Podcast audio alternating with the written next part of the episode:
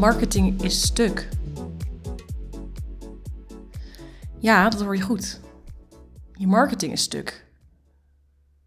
De afgelopen maanden spreek ik ontzettend veel ondernemers die helemaal klaar zijn met marketing. En niet alleen van een ander, ook die van zichzelf. En dat snap ik wel. De meeste content die ik voorbij zie komen is namelijk hartstikke saai. Het doet me vaak een beetje denken aan uh, van die gorddroge pap die uh, we om ons een of andere, om een of andere reden herinneren de meeste van ons. Die gorddroge pap die je vroeger wel eens gevoerd kreeg. ik heb het ook op een later moment in mijn leven nog wel eens moeten eten. En uh, daar wordt bijna niemand blij van. En bijna niemand wordt blij van hoe de meeste mensen denken dat ze hun product en hun bedrijf in de markt moeten zetten. De meeste marketing is stuk, omdat het gaat volgens de oude marketingregels. Nu zijn er natuurlijk bepaalde wetmatigheden in marketing die 50 jaar geleden golden en nu nog steeds. En daar gaan we het uh, niet over hebben in deze aflevering. We gaan het hebben over wat er eerder wel werkte, maar nu niet meer goed of het is niet meer genoeg. Omdat de online markt en überhaupt de markt van ZZP'ers in Nederland, alleen al in Nederland zijn er inmiddels meer dan een miljoen ZZP'ers, van de workforce van 9 miljoen. De markt is eh, aardig vol. En zeker de online wereld, de afgelopen twee, tweeënhalf jaar heeft er natuurlijk enorm aan bijgedragen dat iedereen zich naar de online wereld, de digitale wereld heeft verplaatst. Dus er wordt daar veel geschreeuwd. En inmiddels ben je er zelf ook wel achter gekomen dat je met schreeuwen niet zo heel ver komt. Nou, laat ik het even opnoemen wat die oude marketingregels tussen aanhalingstekens of kenmerken zijn die nu niet meer goed werken of niet meer voldoende zijn. Of vreselijke ergernis oproepen van mensen die jij juist wil aanspreken. Nou, nummer 1 is de focus op deliverables. Wat krijg je? En ik zie het nog steeds op salespagina's voorbij komen van mensen.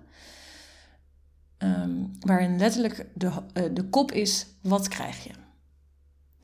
Als jouw product zo goed is en als jij het resultaat zo weet te verkopen dat mensen niet kunnen wachten om hun pinpas uh, te trekken, dan zal het je klant een worst wezen wat ze precies krijgen.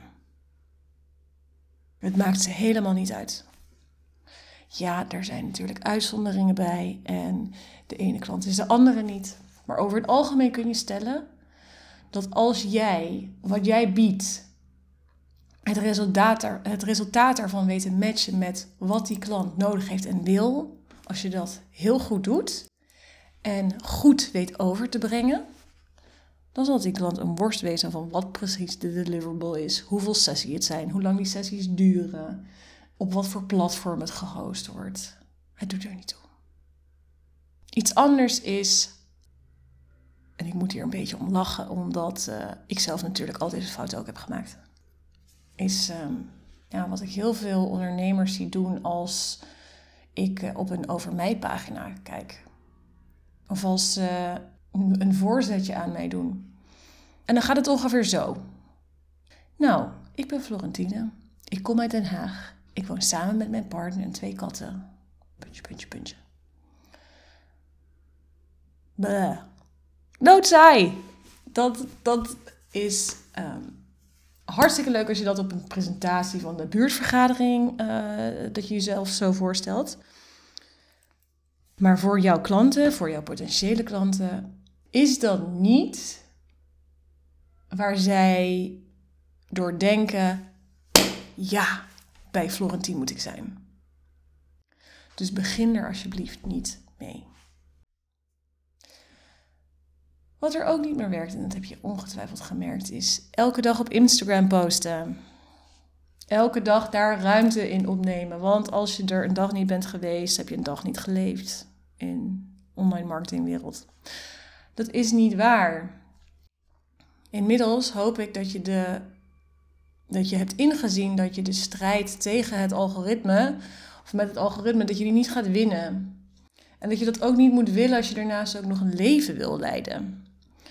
Ehm, elke dag op Instagram posten, ja, die, die strijd ga je niet winnen. Wat er wel werkt, ga ik je zo meer over vertellen. Adverteren op Facebook en Instagram. Die grote blauwe en rainbow-colored machines die, die bakken met geld opslurpen. En dan alsnog, uh, zonder pardon, ja, je, je account sluiten. Ik heb, um, ja zeker, dat is denk ik een jaar en drie maanden geleden, anderhalf jaar geleden, heb ik heel veel ondernemers gesproken die dit hebben ervaren. En het blijft nog steeds gebeuren. En um, ja, deze bedrijven hebben zoveel macht in handen dat ook al heb je honderden, duizenden, tienduizenden euro's uitgegeven aan advertenties, dat betekent niet dat je op een stapeltje komt te liggen met aan hen advertentie, aan een advertentieaccount van deze mensen. Daar gaan we niet aankomen. Nee, ook dan kunnen zij gewoon de kraan dichtgooien. Ja, en dan komen we natuurlijk bij de reels. Eindeloos reels maken, want anders kom je er niet meer tussen. Toch? Nou, vertel eens. Word jij blij van dagelijks reels maken? Ben jij daar al efficiënt en snel in? Nou, ik niet. En ik heb ook niet per se die ambitie om dat te doen, omdat nogmaals, uh, Instagram hier bepaalt hoe ik mijn tijd zou moeten indelen. En vooral ook in welke vorm ik dat dan zou moeten doen. Ehm, en ik kan nu nog heel veel meer over zeggen, maar ehm, ik wil daar niet te diep op ingaan in deze aflevering. Maar ik wil niet dat Instagram bepaalt dat ik uh, dansjes moet gaan doen of, ehm, of, of mijn tijd moet ehm, besteden aan hele verhaallijnen bedenken die binnen dat format passen. Ik wil zelf mijn format kunnen kiezen. Als het af en toe een reel is, is dat prima. Maar alleen nog maar reels maken omdat Instagram die uh, naar voren schuift, nope. Dus wat ik al eerder zei, de strijd met het algoritme aangaan is uh, ja, een loze wedstrijd. En ik hoop ook dat je dat uh, los wil gaan laten. De nieuwe marketing, wat natuurlijk helemaal geen nieuwe marketing is, maar de weg naar het naartoe gaat en waar ik ehm, hoop je wat handvaten voor mee te geven. Dat is als volgt. Ik heb een paar punten. En één is ehm, dat, het, dat je mag gaan focussen op onafhankelijkheid van algoritmes. En dat betekent in de praktijk dat je mag gaan focussen op eigen platforms. En soms zijn dat platforms die je zelf hebt gebouwd en soms zijn dat platforms waarin algoritme in geen of veel mindere mate een rol speelt. Denk bijvoorbeeld aan uh, e-mail marketing. Ja, die ouderwetse e-mailmarketing. Ik ben zelf onlangs ook weer um, gestart met op meer regelmatige basis e-mails te sturen. En ik heb dat jarenlang regelmatig gedaan. Toen is dat door persoonlijke omstandigheden en heel veel andere redenen ben ik daarmee gestopt om dat regelmatig te doen. En nu heb ik dat weer opgepakt en ik merk meteen in hoeverre dat het een effect heeft op de conversaties die je kunt aangaan met mensen die, al, die op jouw lijst staan. En mensen die zich um, geroepen voelen om ook daarop te reageren. Ik heb daar gesprekken die daaruit voortkomen. Die gaan echt ergens over. En, en mensen nemen de moeite om allereerst je mail open te klikken, je mail te lezen, eventueel op een link te klikken. En zij geven dus toestemming. Zij hebben toestemming gegeven om op je lijst te komen. En zij geven vervolgens ook nog eens toestemming op dat jij tijd van hen, kostbare tijd van hen, inneemt. Dus e-mail marketing is daar een hele mooie manier voor om, ja, om een, een band op te bouwen met mensen die überhaupt al toestemming hebben gegeven om eh, ja, content van jou te consumeren, als het ware. Podcast is er ook zo'n voorbeeld van. Ehm, ik ben in alle eerlijkheid niet heel bekend met de algoritmes van Apple Podcast en wat precies maakt dat je gigantisch omhoog schuift. Maar het is een heel mooi verlengstuk van bijvoorbeeld je e-mail marketing of je social media marketing. Omdat podcast jou mogelijk maken om een veel genuanceerdere stem te brengen, uh, longform content te maken. En ehm, ja, dat je daar niet hoeft te vechten met andere mensen op een, op een feed. Andere ondernemers op een feed. En vervolgens komen natuurlijk op je eigen platforms, je website en blogs die je kunt gaan schrijven. Dus ook dit neem, uh, kun je meenemen dat als je mensen naar jouw website weet te krijgen, dan ben jij niet afhankelijk van, um, of in veel mindere mate afhankelijk van iemand die bepaalt of jouw content wel of niet zichtbaar gemaakt wordt. En dat heb, daar heb je veel meer controle over wanneer je zelf content en koppen ook op je website en eventueel artikelen gaat schrijven, waardoor jouw website hoger in de ranking van bijvoorbeeld Google komt. En ook, je wordt daar niet zomaar geband of uh, op zwart gezet. Nee, het is, het is jouw platform. Dus dat was nummer één. Algoritme onafhankelijk. Nieuwe marketing heeft nog een ander onderdeel. Een essentiële die ongeveer bij iedereen nog mist. En dat is entertainment. Ja, ook als je materie heel serieus is. Er zijn zoveel, alles wat mensen willen weten, alle kennis op aarde, valt te googelen. Alle feitelijkheden zijn te vinden online, in boeken. Wat niet te vinden is, is jouw scherpte, jouw humor, jouw personality. De manier waarop jij ergens een beleving van maakt. En er zijn een paar manieren, een paar manieren waarop je dit kunt doen. Waarop je meer entertainment, fun en ook humor in je copy en in je algehele marketing kunt brengen. En ik zal hier even enkele opnoemen. Um, verder is het denk ik een mooie, mooie input voor een uh, volgende aflevering. En één manier waarop je um, meer entertainment brengt in je marketing, is door te schrijven hoe je praat.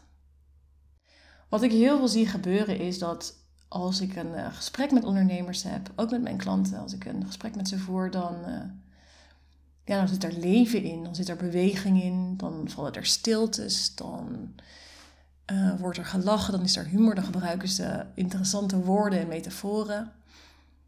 En zodra ze gaan schrijven, wordt het zo'n uh, brief zoals je die in groep 4 hebt leren schrijven. Weet je wel? Beste Jantje, komma. Dan wordt het uh, vol feitelijkheden en um, ja, nogmaals, die gordroge pap waar we het eerder over hadden. Nee, ga schrijven zoals je praat. Kan jij ook. En als je dan gaat schrijven zoals je praat, schrijf dan eens op wat je lachend tegen je vrienden zou zeggen, maar stiekem zou fluisteren in het openbaar.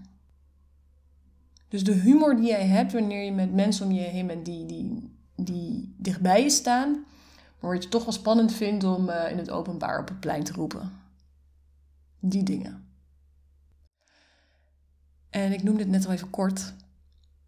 Als je iets wil beschrijven en je volgers, je lezers wil meenemen in wat je precies bedoelt en ze iets wil laten voelen, zijn metaforen een perfecte manier om dat te doen. Zoek naar hilarische metaforen die precies raken dat gevoel wat jij de lezer wil meegeven.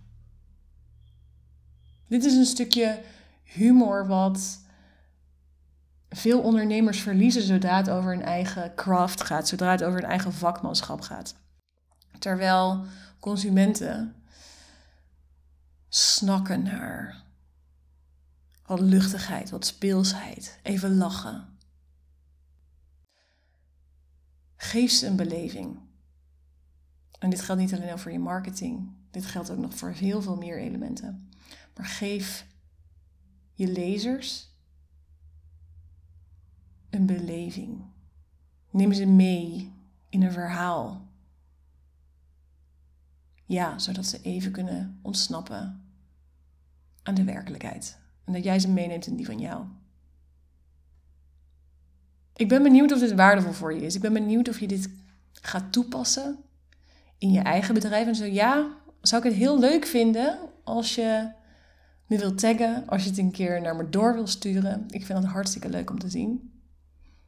En vooral uh, schroom niet om uh, me naar aanleiding van deze aflevering een berichtje te sturen. En ik hoop je te mogen verwelkomen bij de volgende aflevering weer. Dankjewel voor het luisteren.